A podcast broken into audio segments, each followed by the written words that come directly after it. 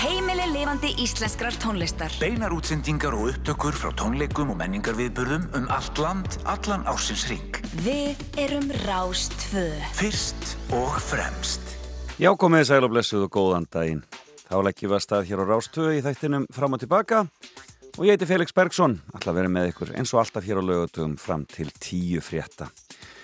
Og það er mikill þáttur hjá mér í dag. Ég fæ góðan gest hér til mín í fimmuna. Hann heitir Einar Stefánsson og er tónlistamæður, já og líka markaðstjóri hjá Pieta samtökunum. En um, Einar er um, líka einna meðlumum Hatara og í hljónstinu Vög og hann hefur búið víða um heim um, enda fjölskyldan í Jötaríkisjónustunni og hann kemur hér með fimmu eftir smá stund og svo eftir nýju ég að ringja og heyra af leiksýningu í Borganesi allt á fullu í leikhúsinu og út um allt í skemmtilega hitum en það er ekki eftir neina býða það er um, komið tími til að hleypa Einari Stefánsinni og fimmunni hans að og við byrjum hérna Ég er nú vanur að spila eitthvað svona sem að tengist árið er en það kemur á eftir, það kemur eftir nýju en við skulum byrja hér á Limp Bizkit og svo fyrir við Einar Stefánsson að spjalla. Velkomin á Fætur!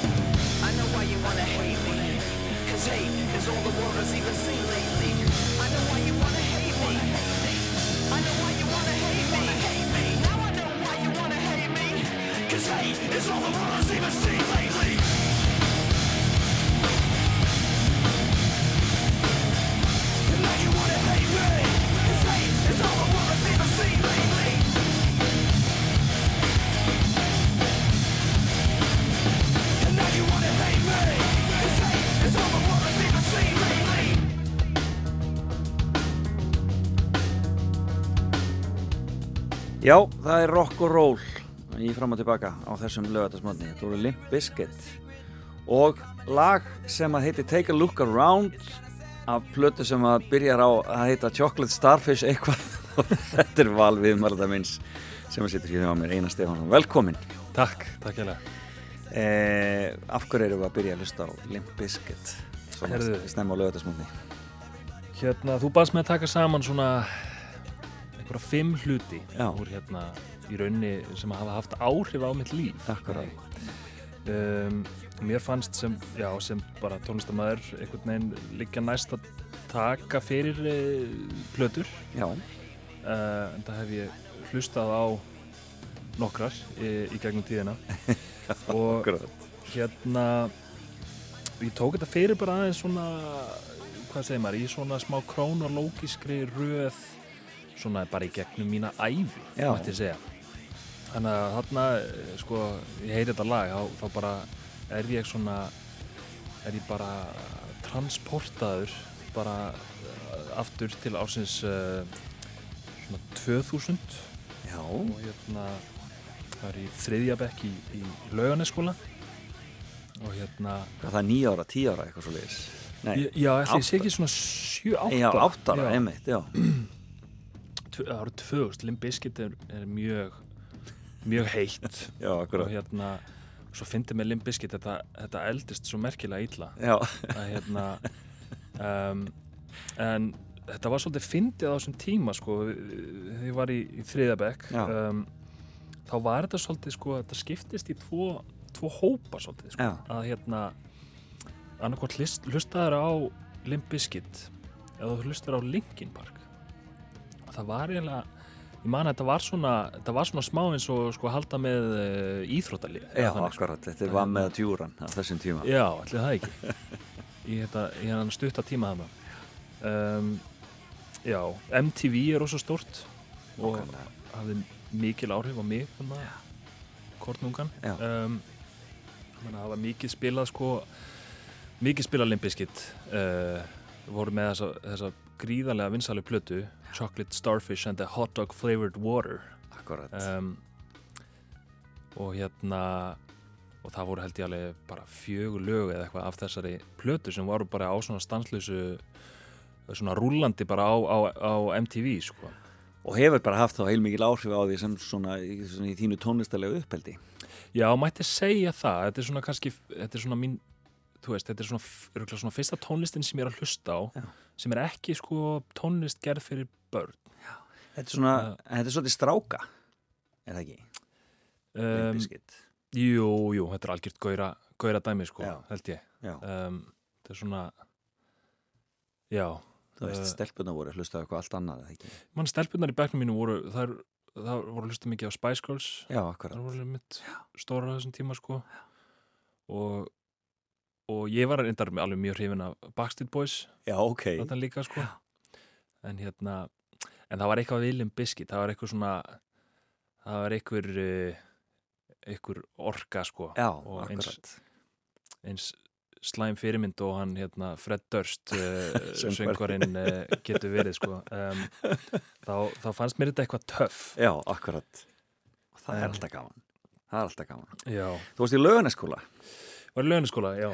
En sko, sko fóruðræðin er að vinna í utanrikisjónustinni alla tíð. Já, eh, Pappiði núna sendi herra í Japan, er það ekki rétt jú, hjá mér? Tokjó Eh, sko, að, að, að stoppaður lengi eins og þar varstu þar, va- varstu svona að koma og fara eða hvernig var það á þessum tíma? sko, þá ég semst fættur í Sviss. Já, 92, svo flytjum við 93 uh, til Íslands aftur og ég er hérna uh, bara hef leikskólagöngu Já. og, og hérna við flytjum hann í lög, lögadalinn já, og uh, svo hérna svo opnar hérna leikskóli bara við hliðan á lögunaskóla ég man ekki, ó, ég man ekki hvað hann heitir. Hérna þá semst er hann bara, ég er bara fyrsti semst, fyrsti árgangur sem er í rauninni þá er hann bara glænýr sko. Já, ok. Og, og hérna og svo bara yfir í já, Þannig að þetta voru nokkur ár bara sem þið eruð alveg heima þarna. Já, þetta eru þá fyrstu þrjú árin af grunnskóla. Já,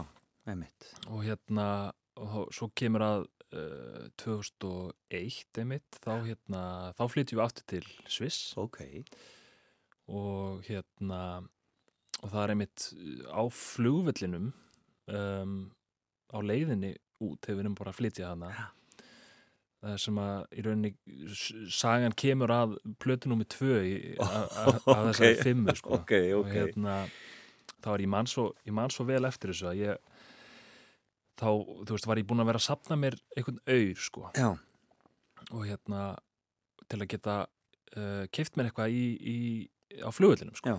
og hérna og ég fer hérna í ég man ekki hvað þetta var, hvort það var þú veist, Eymundsson eða eitthvað svo leis sem var verið að selja geisladiska og, og það var búið að vera rosa mikið sko þá er einmitt á, MTV áhrifin sko að, að þá var Ramstein búin að vera rosa mikið í, í, í hérna og voru með þessa glænýju plötu Múter. Og, og ég man eftir að sko þetta er okkur fyrst skiptið sem ég er að upplega svona massíft svona eins og, eins og kallast FOMO svona Fear of Missing Out. Já. af það að vera sko að vera sjö ára og, og megi ekki fara á sko Ramstein í lögatarsöll að hérna sem að ég skil mjög vel í dag Já, eh, eigandi næstu í sex ára bann Já, akkurat. en hérna annað þeim tíma fannst mér þetta svo ósangjant sko, Já, að ég mætti ekki fara það, mér fannst eins og allir væri að fara. Á og Ramstein. Það var svo mikil, man, var svo mikil umfjöllun um þessa tónleika og, og hérna 2000, já, þetta er 2001 og hérna ekki bara hann um sumarið, 2001 En þá eignastu semst plötun í staðinu eða hvað? Svo fer ég rakleiðis í Eymundsson um, kemur auga hérna á, á þetta glæsilega plötukofir af plötunni Múter Mm -hmm. uh, sem er svona þetta er þetta er svona hérna þetta er barn í, í, í leigi og hérna svona fallegt og kraftmikið cover sko umslag Svolítið creepy líka. svolítið creepy Já. eins og, eins og Ramstein eru og hérna og ég gríp þessa plötu og borga með mínum eigin pening þetta er svona fyrsta Já. plata sem ég kaupi sjálfur sko. Já, þannig að hérna það er alltaf stór. svo hlustaði ég á þessa plötu bara í mörg ár eftir á sko. og ég bara, gesladiskurinn var orðin svo rispaður að það farið að sko uh, já Þannig, þannig að þessi sko svona, svona yðnaðar rocks áhrif eins og finna má í hatara og, og þarna, svona ýmsu sem þú hefur gert. Þú bara, þú farið þetta bara beint þarna í æð með Ramstein. já, mætti segja það sko þetta er bara, bara bass aldrei sko Já, þetta- hefur, hérna, Þetta austur, austur Berlínar þarna sound. Já, algjörlega sko og ég meina ég sko það er svolítið annað með Ramstein heldur en hérna Limp Bizkit að sko ég hlusta ennþá á Ramstein í, í dag og, og hérna fór á ég fór að sjá þá í fyrst Ok, skipti já, þú fegst að fara. í fyrra. Fyrrast, já. Já, það var alveg mögnuð upplifun sko hérna og ég mitt að fara, fór semst gerði mig ferð til, til Berlínar að sjá það á heimavelli og þá voru þeir einmitt að spila sko á í hérna, hvað heitir það, Olympia Stadium. Einmitt. um, sem að hérna var eh, hérna búið til af nasistum í, í, í rétt fyrir þá setni heimstyrjöld var þetta ekki bara búið til fyrir olimpíuleikana Jú, 36, Já. já, já, það miskusti, þessi stadíum var svo stóri þá, sko. einmitt. Og það var svona þeir eru náttúrulega líka að taka svolítið þess að svona náttúrulega eru þjóðverar og, og eru svona svolítið hvað segir maður, þeir eru svolítið svona að vinna með þessar ádelur við, með það að vera búa við þessa skömm sko. Einmitt. Svo eiga þær, það sem ég fannst eiginlega magnaðast við, við þessa tónleika sko var að það voru, þú veist, það var allar sprengjurnar og þetta er svo, þetta er svo svolítið maximalist, þú veist, Já, já, og alveg geggja og maður finnur hittan og þú veist, og er alveg svaka feeling. En, en svo sko tókuðu lag sem heitir Deutschland Já, sem er af, hvort það var ekki 2019-20 platan þeirra. Um, og hérna og viðlagið í því lagi er Deutschland Uber Alles sem er bara, þú veist, þú, þú segir þetta bara ekkit já, já. og, og þetta var svo magnað að fylgjast með, veist, við, þetta er hann 60.000 manns, mjög mikið af þjóðurum, þó að vera örgulega mikið af fólki eins og ég og, og vinni mínir sem að, veist, voru, voru að koma að það bara uh, utanfrá en, þú veist, voru allir búin að vera bara í mega, megagýr og, þú veist, syngja með öllum lögum, svo tókuðu þetta lag og þá bara svona þagnaði bara 60.000 manns Bara svona svol- svolítið sjokk eiginlega. Já, bara svona, þú veist, þú tekur ekkit undir þú, syngur ekki með þegar, þegar þessi orð eru, eru yrt sko. Já, og finnst þetta eiginlega að vera bara svona magnaðasta moment Já, tónleikarna sko. akkurat, ákveðin hápunktur. Já, Magnað. Við, skulum heyra eitt lag af þessari plötu og mér skusti, já, renn okkur í það. Og það er Sonne sem hún valdi. Eins, zwei,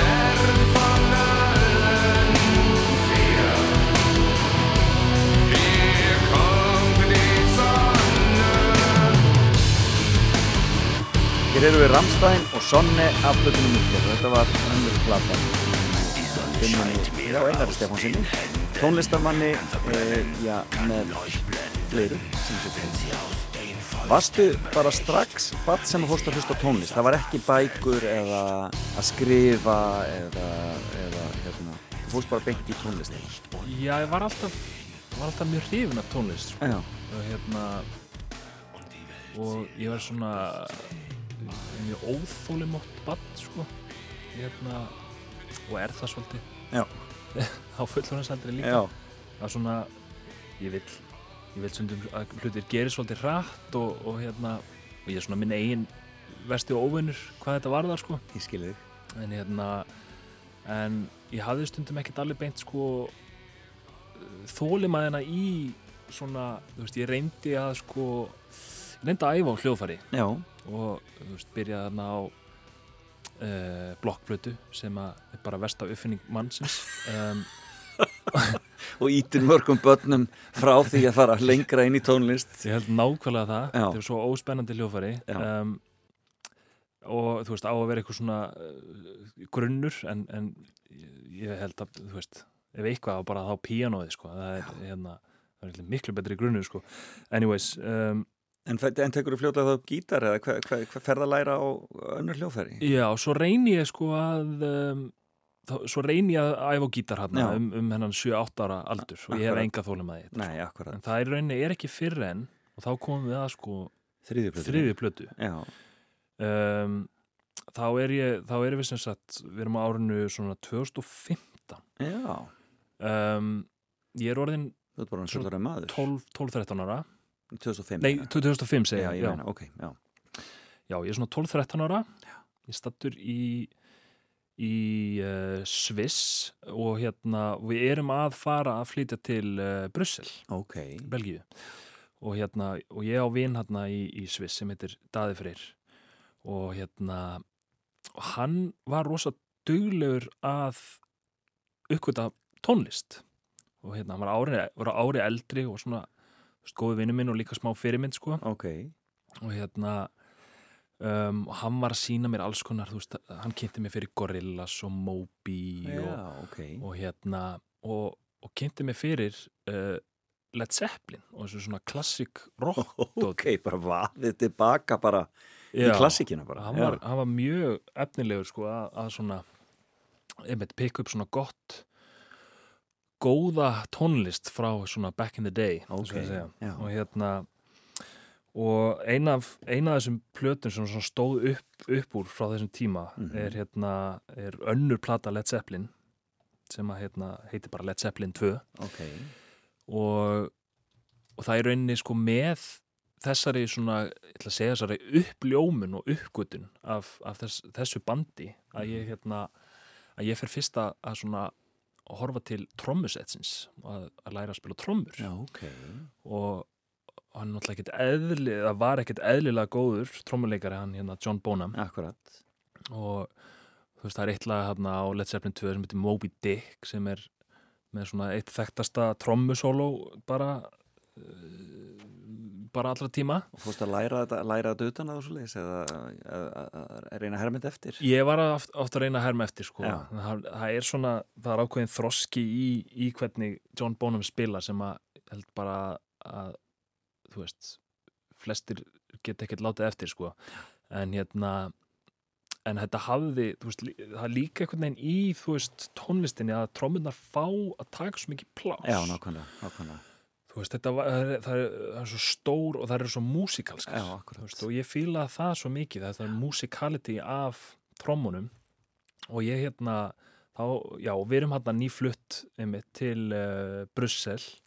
Ég er að byrja í nýjum skóla um, og og hérna ég var búin að vera í, í, í fótbolta svona tíma og ég var Ok. eiginlega bara komin, komin með nóg af, af íþróttum. Ég hérna ég bara var spila hann að óþólimaðinn þú veist, bara og svona keppniskap sko Já. að hérna, þetta bara ég átti, bara ég og, og fótbolti áttum ekki, átt, ekki Áttu samlið ekki skap saman. Nei, og ég held ég sé að komast að því þarna um, um þetta svona, einmitt þegar úlingsárun er að byrja þarna Já. 13 ára og ég fyrir til mömmunar og pappa og, og ég segi við þau að hérna, mér langar að, læra að spila á trommur Mhm. og, og það er svolítið fyndið að þetta er svona það hljófæri sem að þú veist, er kannski ekkit auðveldast að hérna, hvað segir maður, svona accommodata eða þannig akkurat. en uh, fóreldrar mínir eins, eins góð og þau eru þau hérna þau ákveða að lát, láta eftir og, og, og ég þau bókuðu fyrir mig tíma hjá svona trommukennara og satt nokkra, nokkra tíma og þá var ég aftur komin í eh, sko þetta blokkflötu dæmi sko að, þú veist, ég, ég, ég eina aðgöngur en að sko trommusetti var í þessum tímum hjá kennarun Ég og svo, svo því ég var heima þá, þá fekk ég eitthvað svona platta Já, og kjöða já. þú veist, að æfa mig og það var alveg grútleðilegt þú veist, að bara lemja okkur platta þú veist, maður vildi fá alvöru dæmið sko. og hérna þannig að það leiði ekki á löngu til að pappi kemur heim með trommusett fyrir mig Ok. og ég fæ fæ að stilla því upp hérna nýri í, í hérna nýri geimslu og, og ég er þar bara alla dag eftir skóla bara að æfa mig á, á trommur Og það var alveg og það hefur verið uh, gaman þá. Já, og það var mjög gaman og ég bara, leiði ekki á löngu þá til ég var búin að stopna mína fyrstu hljómsveit. Hljómsveitin Splinter með Usuloni Gekkjana. geggjanaf sko. Um, við vorum ekkert sérlega góðir en, en hérna Og voru það skólafélagar þá frá Brussel sem að, þarna, voru sjanghæðurinn í það? það voru tveir, tveir skólafélagi mínir Já. báði gítarleikara sko Ok. Þannig að- og engin svengari og engin Já. passaleikari Nei. það var, það var hálf tómlegt sko en, sem sagt. en svona, við var með þessa þú veist, það, það er líka oft svona út að trommuleikar verða oft svona svolítið uh, sjálfgjaf tegund Já, veist, það, ég held að sé oft þannig að veist, það er ekkit miklu algengar að fólk uh, spila á gítar og, og hérna, bara held ég út af Þannig að trommunar er í raunin þitt fyrsta raunverulega hljóðfæri. Það Já. er bara það hann kemur. já, Þú ert trommuleikari í grunninn. einmitt og Og, og það hefur náttúrulega bara þá gert í, þinni tónlist, þá er það alltaf það sem þú gengur út frá þá í rauninni eða hvað. já, það er oft svona það fyrsta sem ég byrja á sko. Já, einmitt. að hérna ég, og, og tengir svolítið, ég hugsa bassa svolítið út frá tónum, tónum líka sko. Og hérna, Því þú spila líka bassa. já og finnst mjög gaman að spila bassa það er svona hljófæri sem ég finnst eiga mjög vel við mig Já. en hérna en það, það, það er þetta svona samspil þetta rhythma section Já, í svona traditional sense en hérna mér finnst já, þetta, ég veist þetta, allan eins og hvernig ég svona hugsa og byggja upp lög sko, þá, þá er þetta oft ofta fyrsta sem ég geri sko, er, a, Mm. er að byggja upp eitthvað trommu og bassagrunn sko. Það náttúrulega er um, algengt svo sem, ég menna bara tónlistamæður eins og Jónas Sig en náttúrulega trommuleikar í grunninn einhvern veginn, já, sko, einmitt gengur svolítið út frá því. En við skulum heyra aðeins af þessari plötu Led Zeppelin, Led Zeppelin 2. Ég var að spá hvort þú uh, myndir spila kannski lagið Whole Lotta Love Það held ég að ég bara geri. Já. Við skulum heyra hvernig John Bonham rúla þessu upp.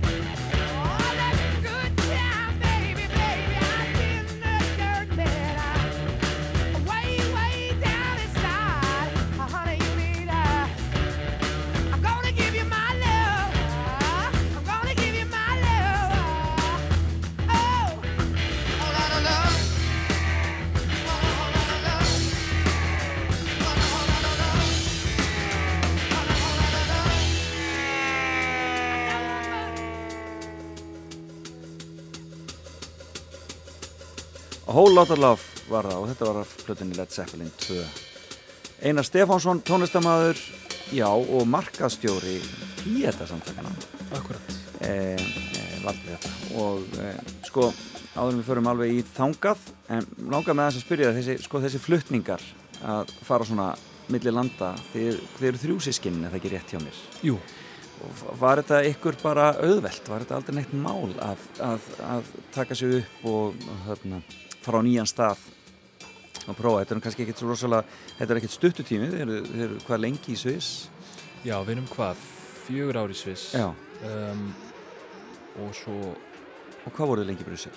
svo vorum við þá uh, fimm ár. Fimm ári í Brussel. Já, allan að sko ég var fimm ár En varst alltaf með tenginguna heim og það var einhvern veginn áttur í viniðin ennþá á Íslandi og svoleiðis sem hér sambandi við og svoleiðis eða hvernig var það úr, úr laugarnaskólanum? svona að ykkur leiti uh, hérna um, en, en svona fjaraði svolítið út svona, svona því, því sem, tíminn leið sko. Já, ég skil.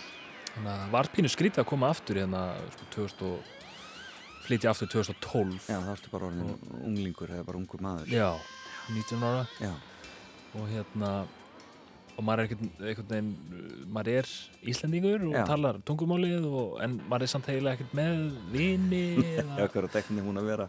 En ég meina, hvernig, hvernig upplifir þetta? Upplifir þetta sem jákvætt eða neikvætt eða?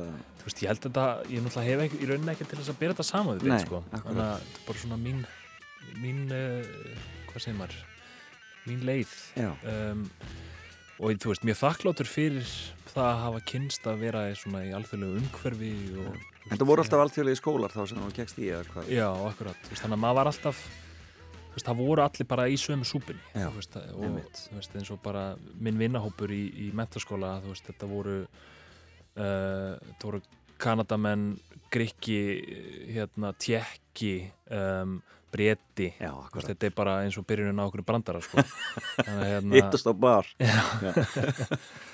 þannig að þetta var svona fallegt þú veist, uh, svona hvað segir maður svona þegar, þú veist, þau verið líka bara börn og þú veist, verðum vinir Já. og allir að koma einhvern veginn frá ólíkum bakgrunni það verður svona fallegur svona suðupottur sko En þú upplifir aldrei sko einhvern veginn að mm, þú einangrist aðeins eða þú veist að það sé erfiðar að mynda þessi tilfengning samt vitandi að maður er síðan að fara.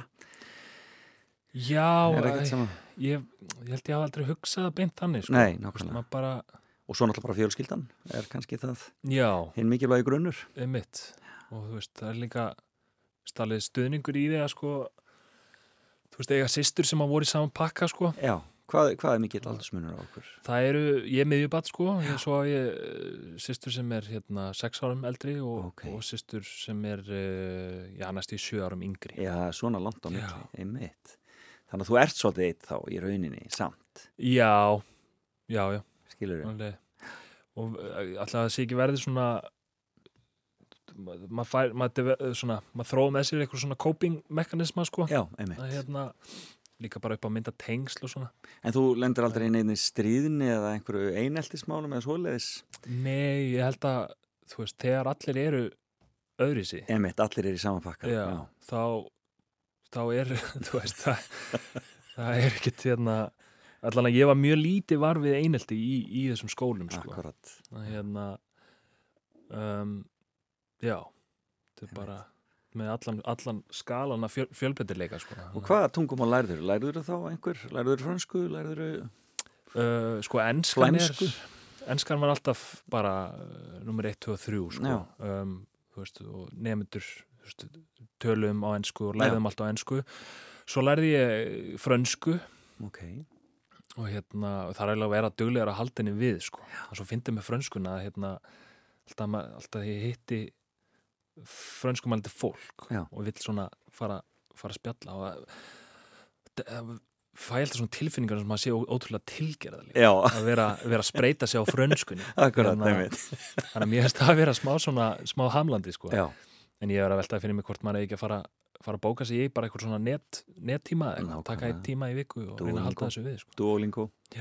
lærið þýsku líka, smá Ok. tíma.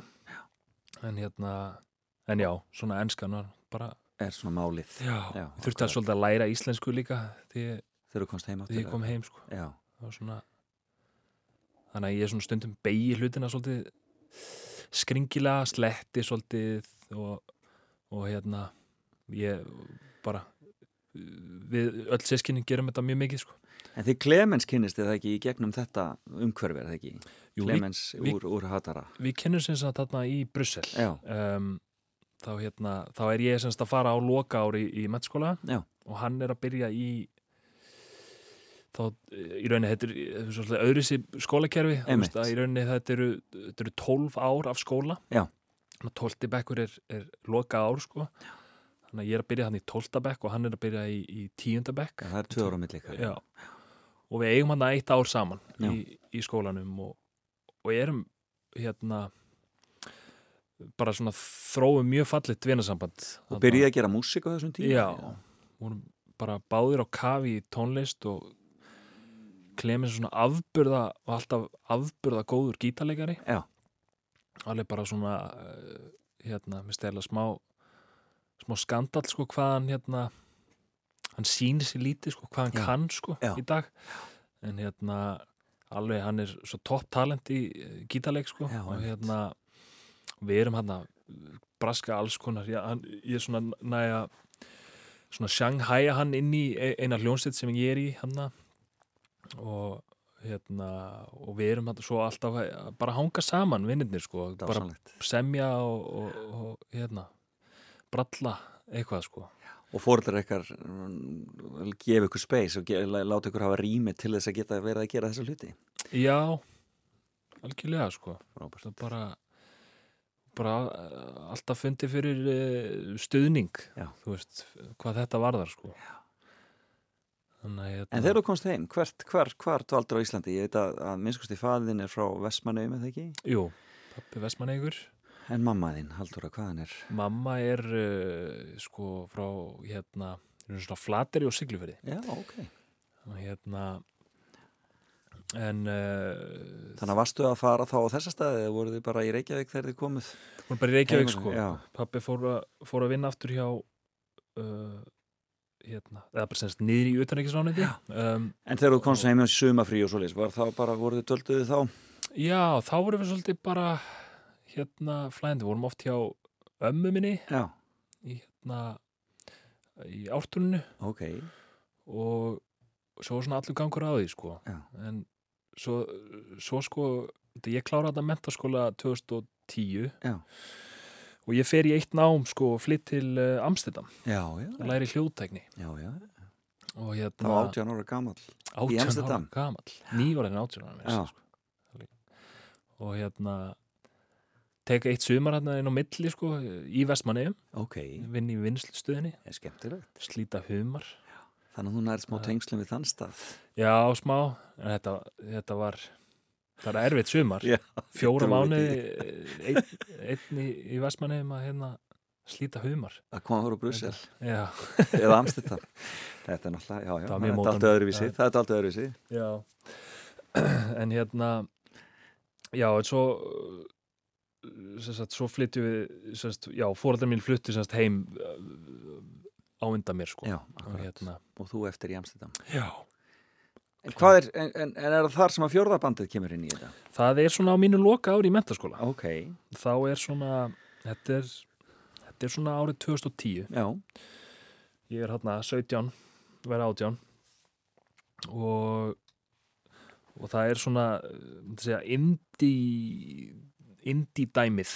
Svona þetta breska og ameríska indie sem var að svona tröllriða hérna heiminum og tónlistar sinni var svona alveg á einhvern svona hápunti þarna ok. um, og það var svolítið, ég verð að segja að það var svolítið erfitt að svona í rauninni taka fyrir eina plötu frá þessum, þessum, þessu tímabili lífs míns Já. en hérna en svona, ég þurfti eiginlega að taka fyrir um, hljónstina Fouls já, bresk hljónsett og platan hérna, önnur plata þeirra, Total Life Forever um, sem var alveg mjög svona mótandi plata fyrir mig á þessum Ok. tíma. Og hérna, og það svo fyndi hvað tónlist getur spilað í, í svona nostal, nostalgískar taugar hjá manni. Og það, ég meti svona þegar ég var aðeins að taka saman þessar plötur fyrir, fyrir þetta hérna, þá einmitt bara byrjar að hlusta á hlusta á þessar plötur og, og, og maður svona maður eiginlega bara fer aftur í tíma. Þetta er svona smá tíma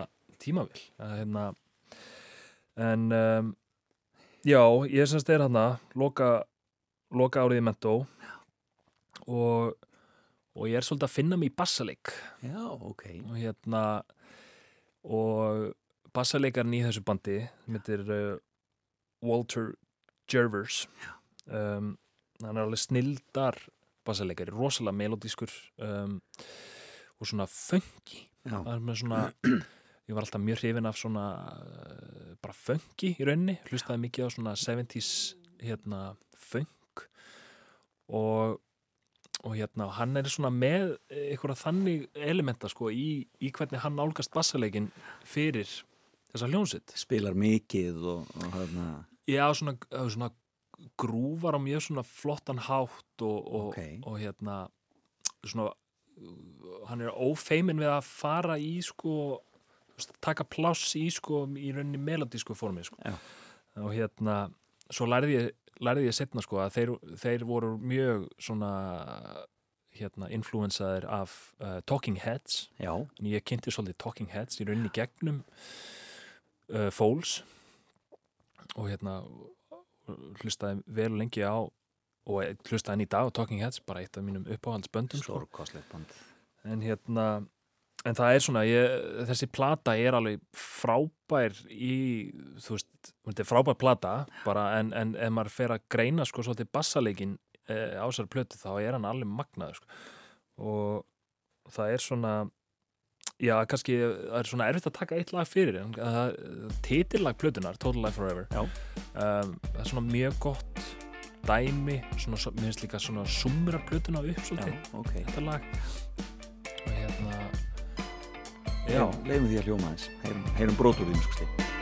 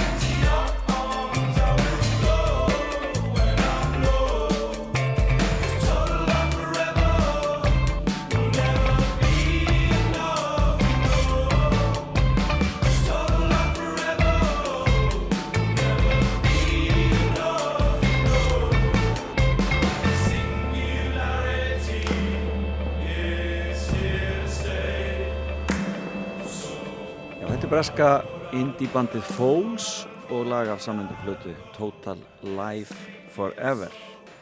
Einar Stefánsson þetta, já, þetta tekur þið aðeins svona tilbaka. Já, Hvernig leið þér á þessum tíma að klára mentaskóla og það var í góðum fíling? svona, já, þú veist, ég var spenntur að, að hefja nýjan kabla hvernig var, hvernig var þessi tími Amsterdam?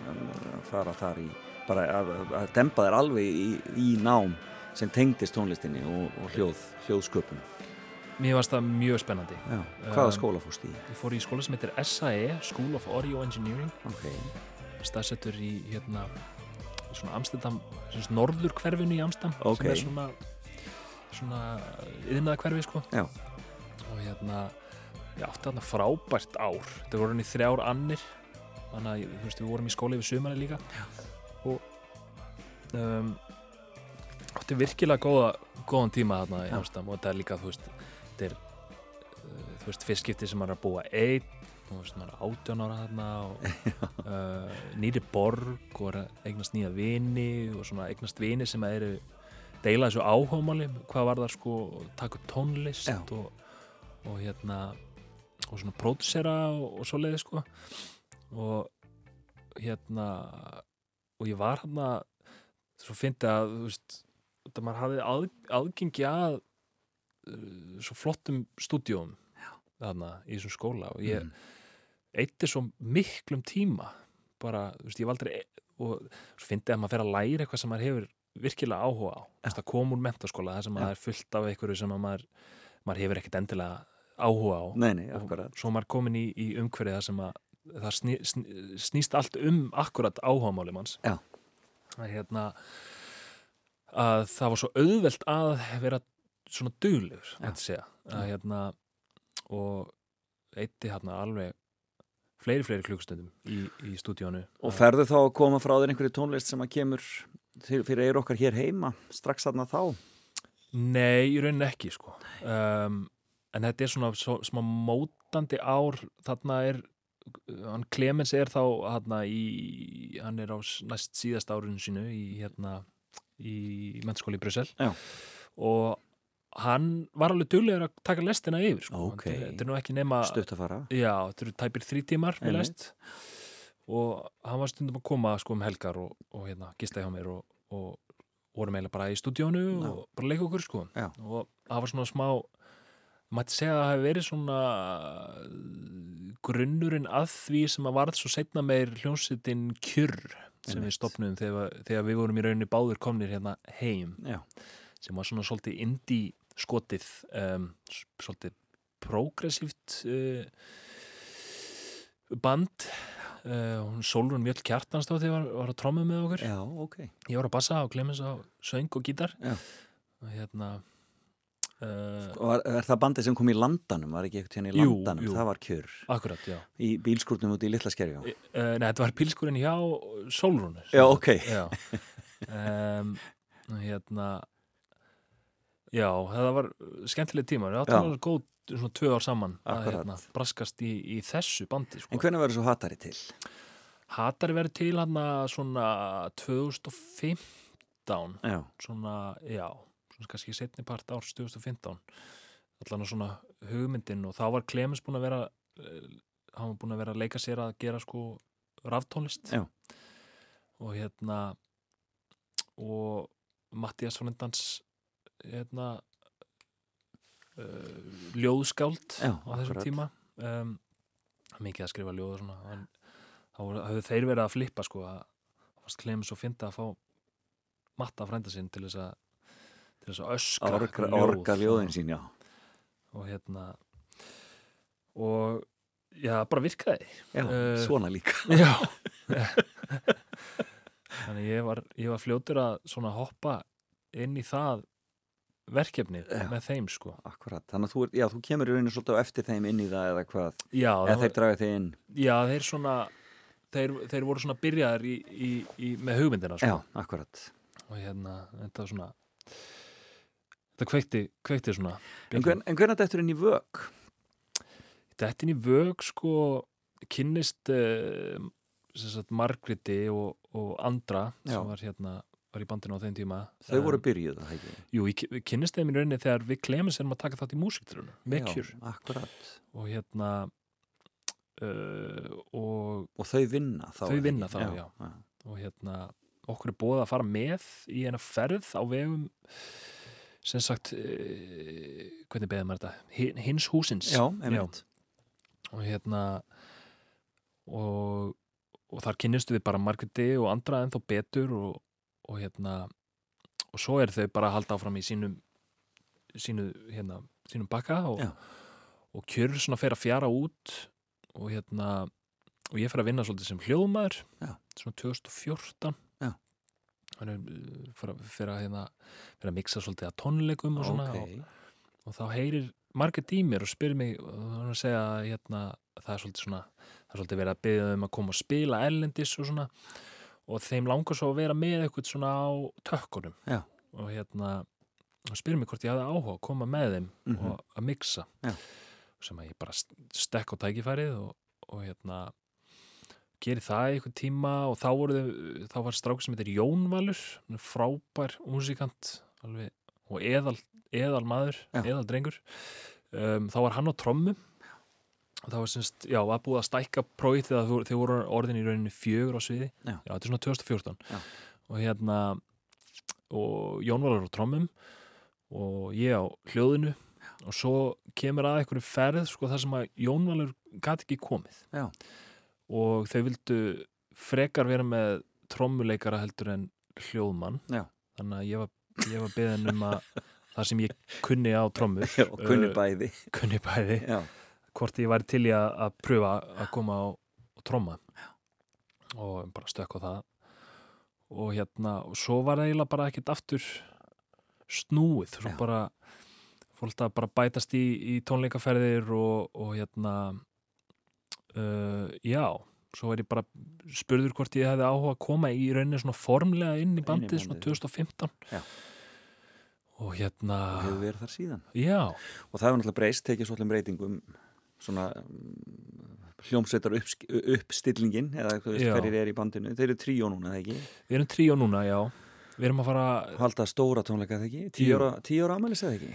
Við erum að, uh, við erum tíu ára, eða hljó, hljónstæðin er tíu ára í, í ár og hérna eru stór tónleikar í Eldborg uh, næsta lögadag, Einmitt. 7. oktober og hérna og verðum ekki þrjú á sviðinu, við ætlum að hérna, við erum að, að bjóða tveimur gestum, það er semst hann Ólafur Alexander sem, að, sem að var í, í hljónstinni til uh, 2018 Mm og hérna og það er hann Óskar Guðjóns uh, saksamúleikari en sem ætlar að hérna að spreita sig á, á, á, á svona á saksanum með okkur. Skemmtilegt, þannig að þetta verður, þetta verður það blásið í mikla lúðra hana já, bókstaflega. Já. hérna, og svona uh, við erum að, við erum að byggja þetta upp aðeins aðeins öðru sig heldur en við svona uh, gerum yfirleitt. Já, er svona, og enda líka bara tækifæri til þess að svona, við erum svona að og horfa svolítið yfir farin veg og, og fara yfir katalóg og hérna og við erum að taka mikið af svona efni sem að við höfum ekkert verið að taka síðastliðin ár sko. Er og svona skemmtilegt. mjög gaman. Svona eh, líka rifja upp. Við höfum vorum á æfingu í gær Já. og hérna um, já, gaman að setja sig aftur í í, í svona spór eldri laga sko. Já, Að, hérna, já, þetta verður skemmtilegt. Og, og búist við fullu húsi er, er, er, er, er stemning fyrir þessu? Já, það? það, virðist vera stemming það er, hérna, það er ennþá eitthvað, eitthvað að lausa Já. ef að fólk vil grípa tækifæri koma í að stuðið, skella sér á, á tónleika á lögataskvöldi í Eldborg Við höfum svo margt að ræða það er svo margt sem er ágætt til að spyrja þau um en tíminn er sko gjörsanlega flóðin frá okkur. Við eigum eina plötu eftir. Já, ég átti eftir að spyrja það allt út í Pieta og ég átti eftir að spyrja út í hérna, framtíðina og, og fjölskyldun og þetta allt saman. En það verður bara að býða næsta viðtals. Já, Því, að- en þú ert semst stónum markastjóri hjá Pieta já markas og kynningastjóri. Byrjaði þar í, í eh, svona lók júli það er magnað, magnað, magnað fyrirbæri Pieta Já. samtökin og þetta er svo fallegt fólk sem er að vinna þarna Já. og það er allir það er allir með einhvern veginn hjartað það er talað um sem ég er svo fallegt að tala allir um píeta hjartað sko. Já, það eru allir sem að vinna þarna að gera þetta að bara ástriðu og, og hérna svona réttum ástæðum gott. og hérna og já, þetta er bara, ég get ekki get ekki sagt nógu mikið hvað þetta er fallit fólk sem, að, hérna, sem er að starfa þarna. Svona, við munum fylgjast áfram með því. Og svo ertu nýgiftur, nýgiftur. Og hérna, sólbjörstuðinni já, um mitt. Giftum okkur í sumar var ekki fjör? Þetta var rosa gaman. Í Vestmanau, já, var hvað?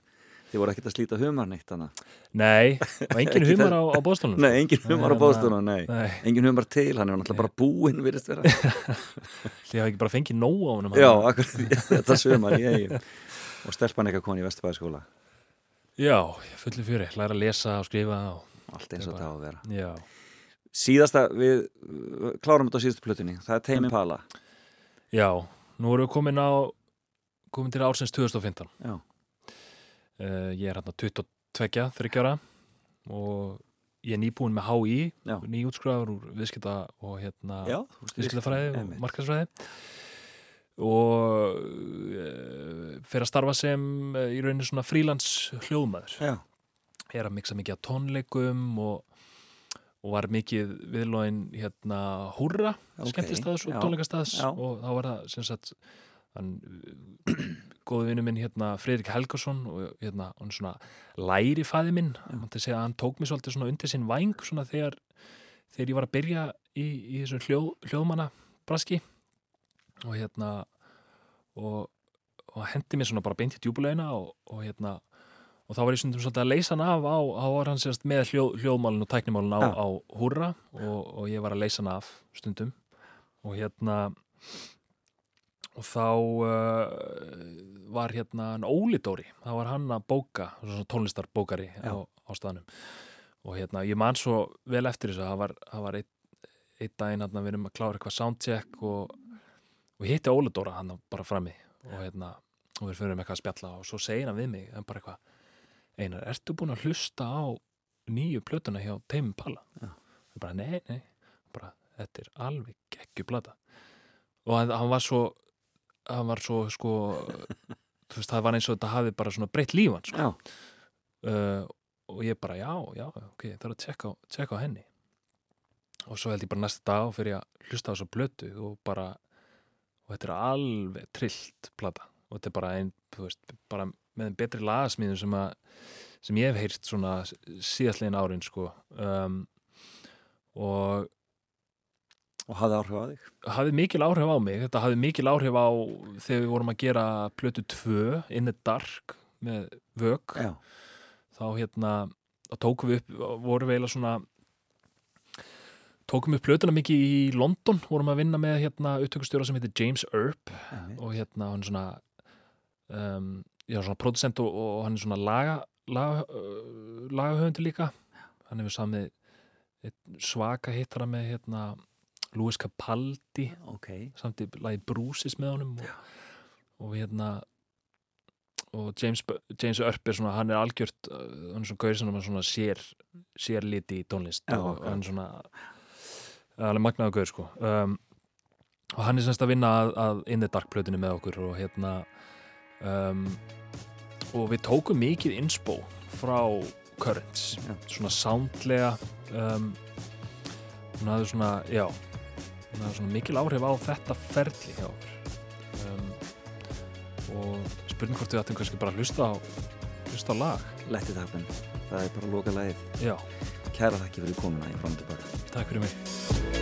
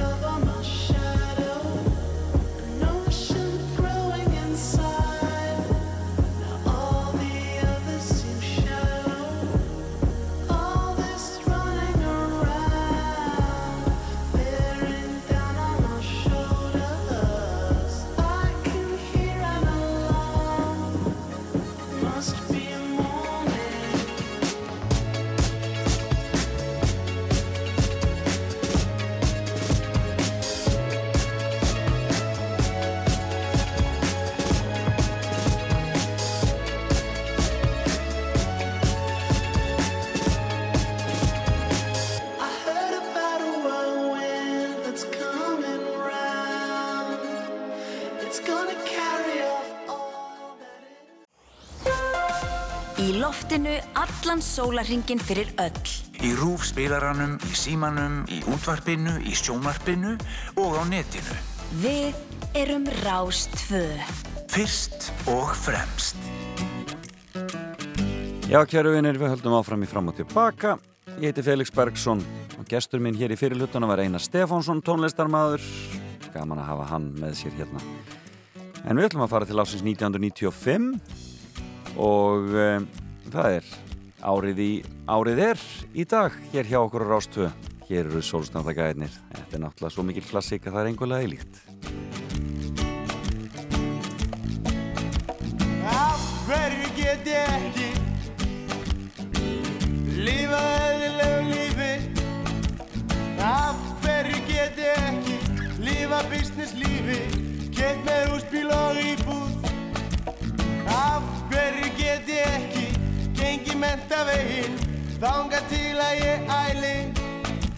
Af hverju get ég ekki Gert neitt að viti? Af hverju fættist ég? Lúser Ég er ángum maður Á röngum tíma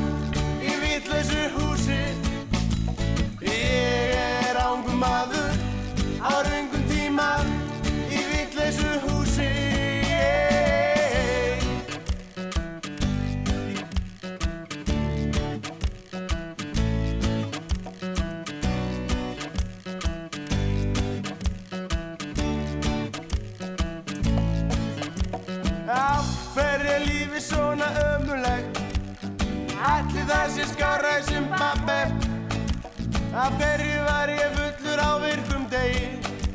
Af hverju mætti ég ekki í tíma? Af hverju get ég ekki Byrjaði íþróttum og laupið um eins og asni? Af hverju get ég ekki verið jafn hamingu samur og sign og gretar í stjórninni? Ég er ángum maður á tíma vitlausu húsi. Ég er ángum maður á raungum tíma í vitlausu húsi. Ég er ángum maður á raungum tíma í vitlausu húsi. Ég er ángum maður á raungum tíma í vitlausu húsi. Kornungur Jónas Sig hérna Gaman að heyra þessa rödd. Rangur maður á raungum tíma Í vitleysu húsi. Ég veit svona mörgum hefur liðið þannig í gegnum tíðina. En Einar Stef var hjá mér í morgun og þá verður mann á að spila vög og hérna er þið stórkostlega í Reisjú þetta á eftir að hljóma í hörpunni eftir viku. Þegar þau halda tíu og gáð tónleikana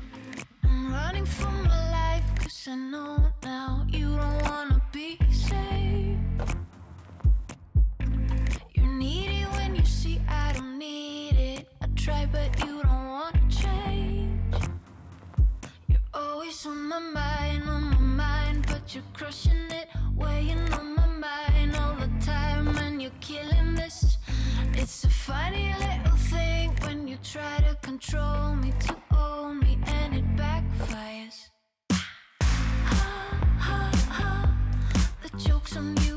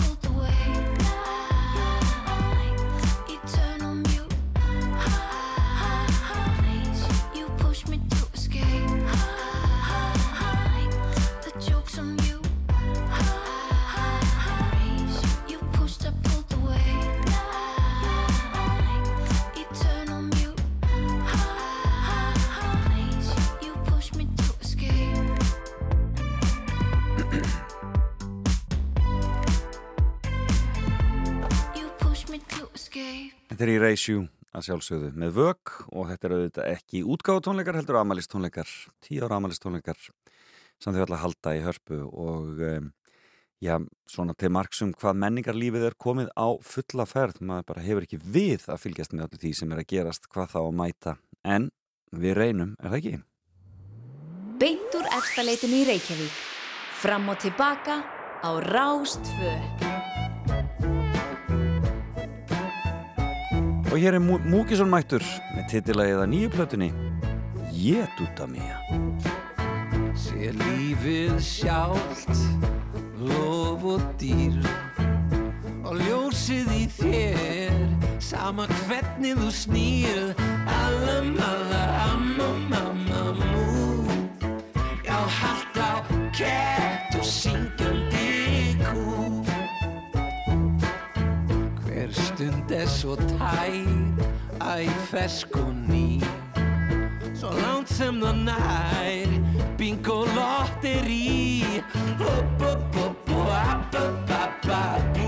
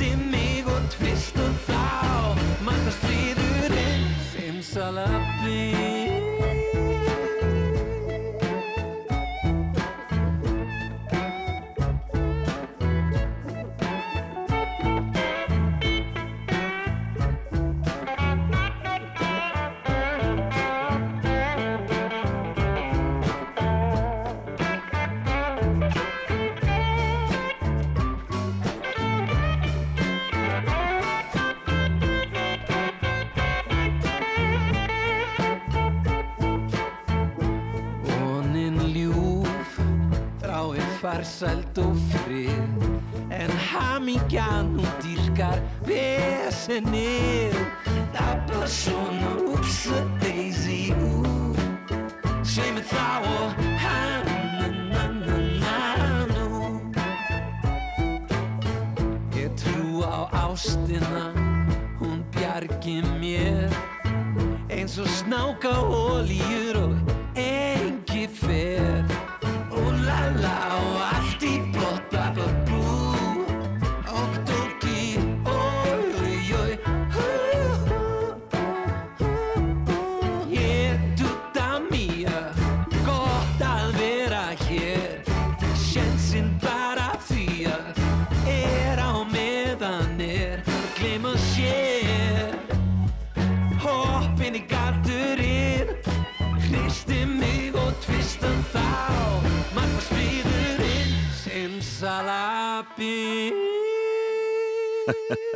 Skemmtilegt. Hann kann þetta, Múkisson, þetta er algjör snild Jétuta mía og það var mikil saga sem fylgdi þessu öllu saman. E, og e, já, ég hann ekki að endaka hana. Hann var náttúrulega gestur e, síðustu helgi í félagsheimilinu og uh, fór þar algjörlega á kostum eins og venilega og það var, já, ef þið hefði ekki heyrt þáttinn þá getið þið fundið hann á netinu. Og svo náttúrulega nýr þáttur í dag. Ég grunar að gestu dagsins sé Ragnhauður Gröndal, ég hef svona heyrt í kvíslað ykkur staðar, Mm, það kemur í ljós í dag þegar félagsheimili fyrir loftið hér eftir hátæðisfréttinnar Ég ætla að fara að ringi hérna Júlíu Margreti Einarsdóttur og heyra af Guði sem leitar að Salome sem er verið að leika, eða hún er að leika í Borganesi fáum hérna eitt gamalt og gott fyrst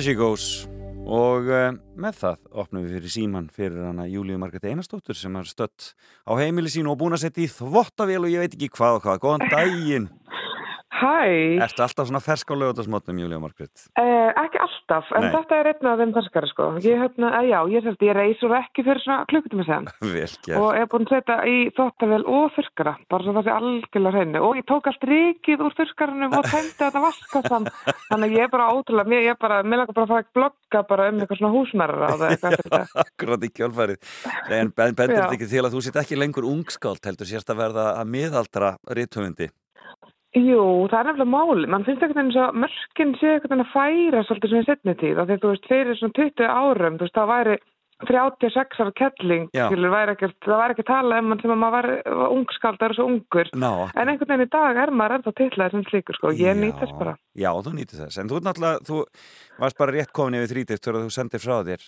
þarna, eh, Guð að Salome, en hún kemur 21, Já. er það ekki rétt hjá mér? Jú, það er rétt, jú, Já. ég veit það þessi upp, en jú, hún kom út þarna fyrir tveimur árum síðan Já.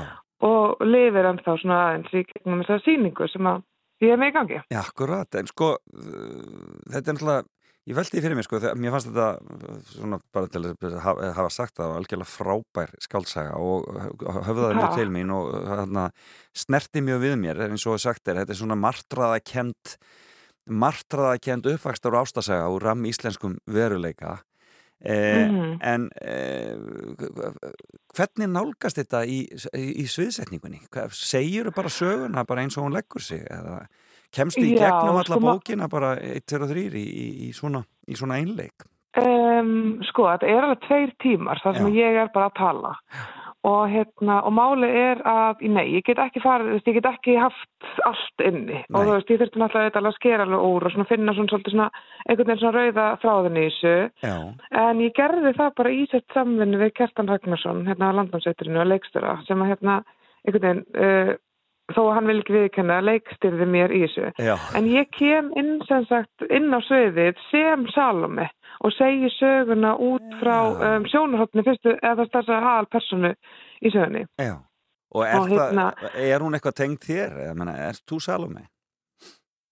Nei, ég bara hef enga tengingu við þessa mannesku. Um, já, ég er nefnilega bjóðan algjörlega til og við erum alveg rosalega ólíkar. Sko. Salome er ljósmyndari, hún er rosalega bælt, hún kemur um mjög trúari fjölskyldu og er alveg upp út á landi og foreldrannar eru bæði alveg mjög brengluð. Já, Og það er einmitt eitthvað sem að hérna, foreldri mínum er fundið svolítið erfitt þegar fólk heldur að ég sé lýsa sjálfur mér, sko. já, einmitt.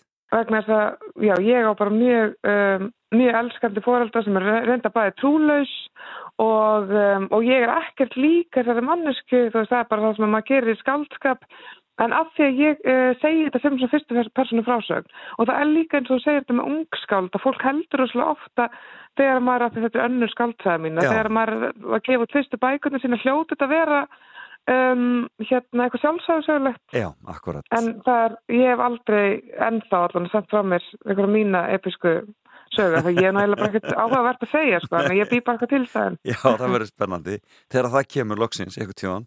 En, Já, hérna, en, en, en, en, sko, þú setur sögun á Akranesi. Er þetta einhverjar, sko, skáld náttúrulega sækja inspirasjón í svona ímislegt í kringu sig Mhm. og í bara í, þú veist, í, í, í, frásagnir og annað slíkt. Hafður þið heyrt einhverjar sögur í þessu, eh, í, í þessa veruna af þessu fólki sem að þú ert að, að tala um í skáldsögunni? Nei.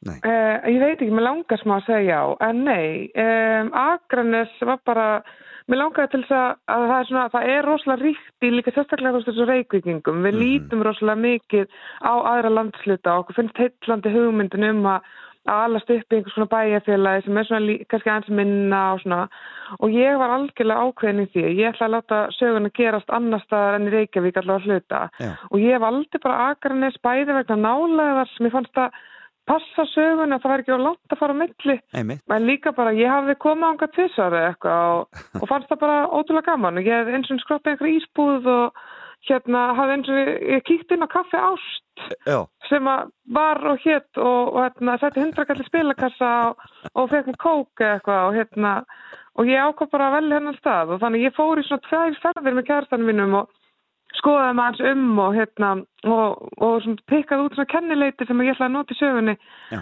en ég hef engar tengingar við Akranis og hef ekki komið á anga oft sko en mér fannst ég stundur líka svona verða að fara svolítið valega í þessar umfjöldinu því ég vildi ekki móðga neitt á skaganum og ég hérna fjallaði um hann stað bara sem aðdáðandi sko Briljant. þó að sögupersonan mín sé ekkit alltaf hrifin af sínum heimaslóðum en það er líka bara eitthvað sem ég held að fylgja ykkur öllum einhverju liti. Já, já, náttúrulega hennar erfiða, erfiða svona ættarsaga náttúrulega kemur inn í það sko.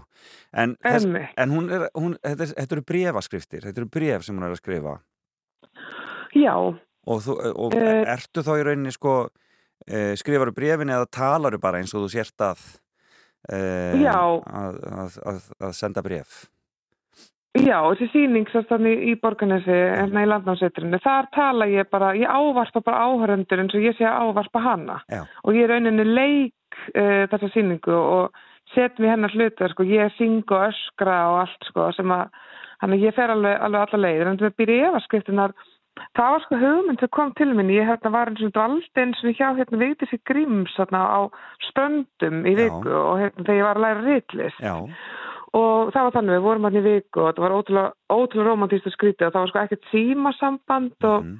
Maður var alveg svona pínu rugglegar en sósaðist einhvern veginn í þessari lista orku sem að fylgja þessari konu þessum frábæra stað. Og hún gaf okkur svona verkefni og eitt verkefni sem ég fekk var að skrifa viðara ekkert sinni bref já, og í brefinu átti ég sérst að vera kvarta yfir útastleikúsinu vegna þess að höfðu það ekki til mín eitthvað nátt eitthvað svona. Þannig ég ávarpa þarna Viðar Eggertsson og set mig í spór einhverju konu sem er á hjúgrunheimili sem fannst eitthvað tiltekið útastverk, útastleikrit ekki hefða til sín. Og ég, og svo lesa allir upp þess að hérna, þessar sögur sem þau skrifa við fengum okkur svona smá stundilega að gera þetta. Já, og í kveðjuskinni þegar við erum að fara frá ströndum og þá sagði Viti Skrimstótt við mig þá fer það rosalega vel að skrifa bref þú ættir að skrifa veginn bók sem er brefaskriftir já. Og þetta bara satt í mér. Og svo ákvað ég að skrifa þessa svona episku ættarsögu og skaldsögu og bara pröfa að augra sjálfur mér okkur den forminu með því að hafa það allt í brefi sem að ég gefi. Briljant. Kemur spákonan, kemur spákonan við sögu? Hún kemur sannlega við sögu og mér finnst mjög gaman að setja mig í þær stellingar Já. og lýsa þessum hérna, miðilfundum og, hérna, og bollaspám og hvað sem er líka annar, annar hérna, ángi af, af þessum heimi sem ég þekki mjög lítið til. Þannig að mér varst mjög gaman að, að grúska því og ég mér þess að fór til spákonu bara til þess að hérna, kynnast, um, ég kynnast þessum fræðum, ef sem að segja, Dásanlegt, og mér stáði alveg skemmtilegt. Og það er draugagangur og, og Já, alls konar. Sko. Algjörlega, þetta, og það á mjög vel við í landnámseturinu. Það er sýningsnæst annað kvöld eða ekki? Eh, hún er á morgun kljóðan fjögur, þannig að ég er núna bara já, einmitt með handreiti fyrir fram að mig og er svona uh, byrjuð að hérna, setja mig í flingar af því að ég er náttúrulega, eins og ég segi, ég leik þess að tala með þarna í tvo klukkutíma Já. og er bara náttúrulega spennt að leifa henni að lifna við þarna aftur á, á þessu hérna, sögulofti. Já, þetta er góðu tími, klokkan fjögur. að Þá er, og getur fólk líka bara fengið sér að borða eftir sýningu eða svo leiðis, hvernig við það? Já, mér finnst það rosa huggulegt, maður fer bara þetta er náttúrulega ekkert lánt, þetta er bara um klukkutíma kistla eitthvað svo leys og það er spáðalega dásamlega veðri um, og það er bara fínt líka að fara í sund þarna í borgarnesi, ég gerir það oft fyrir síningu Já, og bara að njóta þess að vera þarna og einmitt. Þetta er búið kláðan 6, svona 6 og það var að fá sér mat á landamsettinu og bara gera svolítið skemmtilega dagur eins og ég hef gert á Akranissi þegar að ég var að hérna, setja mig í stellingar fyrir, fyrir eh, þessa bók. Og hvað kemur næst frá þér? Hvenær eigum við móðan á næstu bók, Júlíu Margrét Einarstóttir? Já, eh, á næsta ári eh, kemur um, skaldsaga sem er í, í smíðum og gerist á hérna, vestfjörðum. Þannig að eh, sem endranæs þá er ég svona aðeins að skrifa mig burt úr Reykjavíkinni og, uh, og það er önnur skaldsaga sem byggir á engan hátt á mér en segir frá svona uh, kunstuðu fólki í litlu samfélagi. Gekkja. Og já, ég er bara mjög spennt að kynna hana líka fyrir ykkur. Get ekki beðið. Júlíu Margrét Einarstóttir, gangiði vel annað, á morgun í landáseturinu Já, og við hverjum alltaf til að kíkja á því þangað. Kæra þakki fyrir spjallið. æðislegt. Takk hérlega fyrir að syngja. Bless. Bye. Fyrst og fremst í íslenskri tónlist.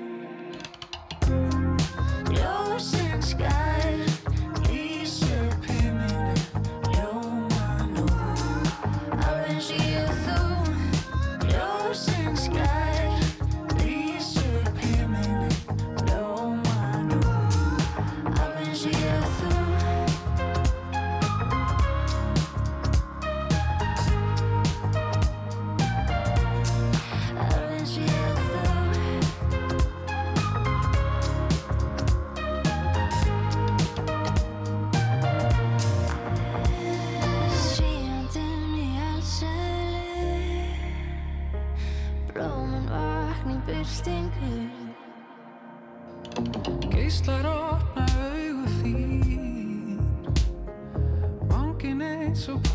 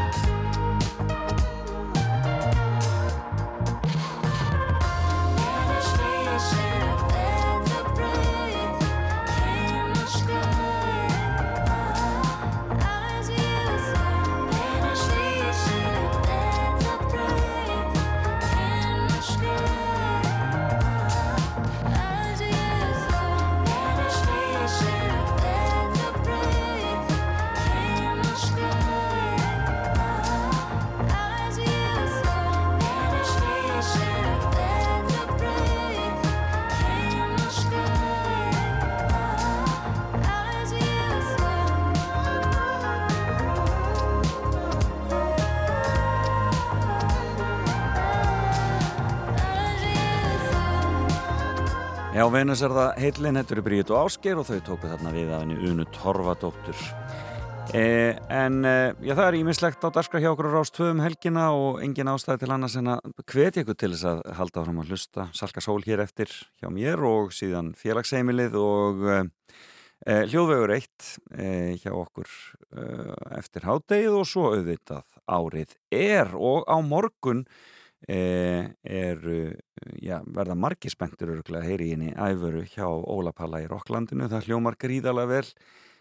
Gríðalega vinsalæfur og það verður gaman að heyra e, þetta nýja viðtal sem Óli Palli á við hana. Og svo er það auðvitað e, Jón Ólafsson í fyrramálið og undan honum er Alli Már Steinarsson með þátt sem að vakti aðtekli mína og ég held að margir myndi vilja hlusta á. Það er þátturinn hans sem heitir Þú veist betur og morgun fjallar hann um internetið.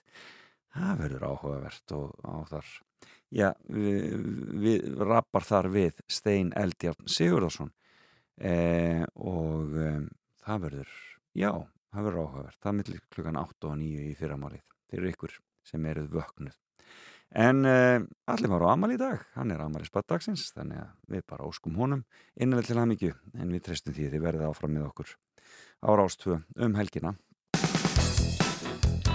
Ég var að spila Talking Heads hérna um daginn og fekk sterk viðbröð. Ég slefti þessu lagi. Er það ekki bara tilvalið að koma því að í dag? Þetta er auðvitað Wild Wild Life.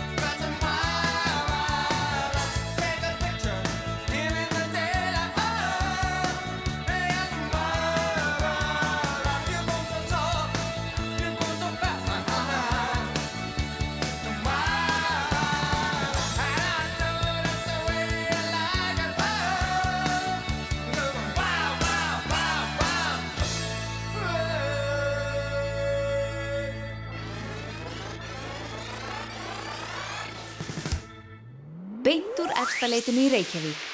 Fram og tilbaka á Rástföð.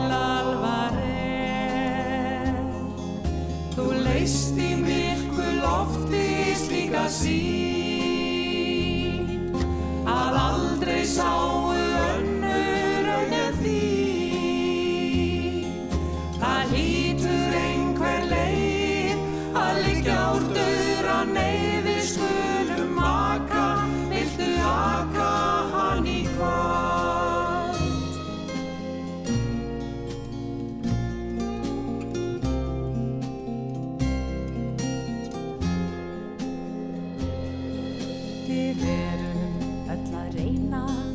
Við gæfu gesta þraut Með hlátri klaufan send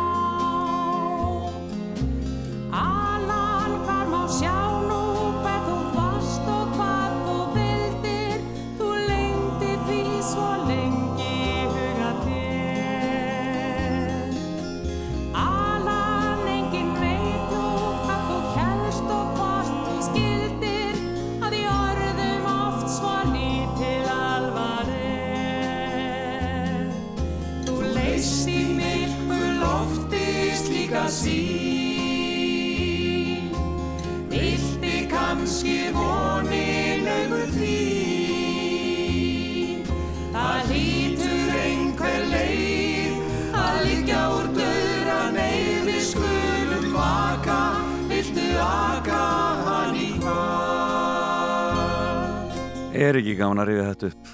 Melchior og hefð stórkostlega Alan.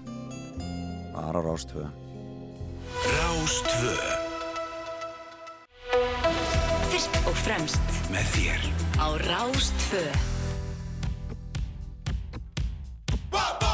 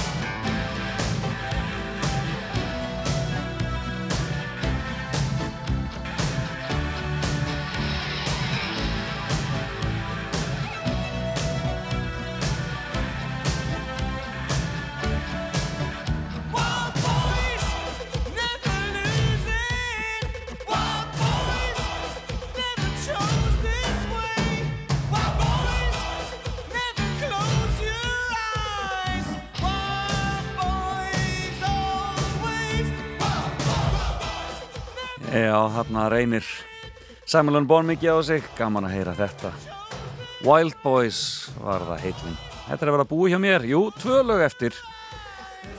Byrjum hér á einu sem er verið að spila hjá okkur mikið á rástu e, eh, þessa dagana. E, Hann kallaði sig Julian Sevillian og eh, e, lægið heitir Fyrirmyndarborgari og hljóman að koma svona.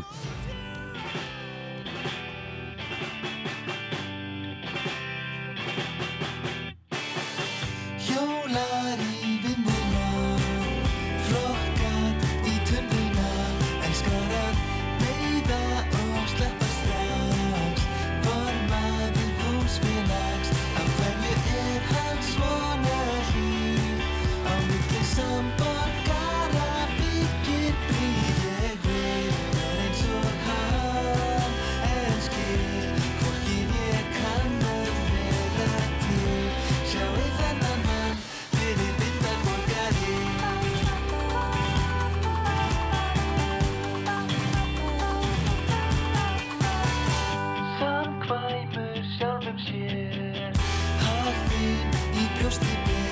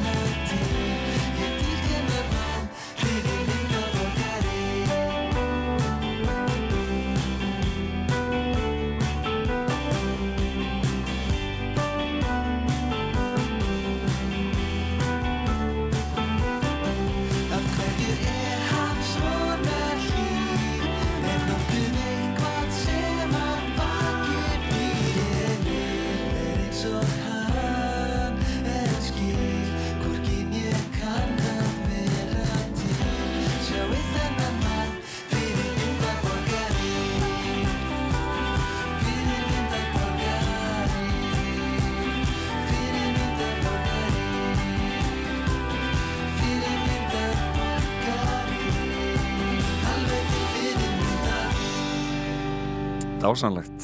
Uh, já, þetta var Julian Civilian. Heitir það nú víst ekki en uh, dásanlega vel gert þarna. Hann heitir réttunafni Skúli Jónsson þessi. Frábært. En uh, þetta er búið hjá mér í dag. Ég þakka viðmælandi mínum Júlíu Margréti Einarsdóttur sem ég ringdi svona í tilefna því að hún er að fara að leika á morgun í Landánsetrinu. Uh, bókina sína um hana Salome, Guðleitarað Salome í Landánsetrinu á morgun og uh, var gaman að rappa við Júlíu Margréti og heyra af nýju bókinni sem er að koma á næsta ári. Og svo uh, var það gestur minn í morgun Einar Stefánsson tónlistamæður úr Vög og Hatara. Og hann var með skemmtilega fimmu, fimm eh, plötur sem hafa haft áhrif á lífans og þetta voru Limp Bizkit, Rammstein, Led Zeppelin, Foles og Tame Impala. Eh, ég verð hérna aftur eftir viku, hlakka til að vera með ykkur eins og alltaf hér á Rástöða. Við skulum enda þetta með Björk. Og heiti ásanlega Hunter. Fariði varlega hvar sem þið eruð njóti dagsins og heyrumst aftur eins og áður segir á Rástu eftir viku. Bless, bless.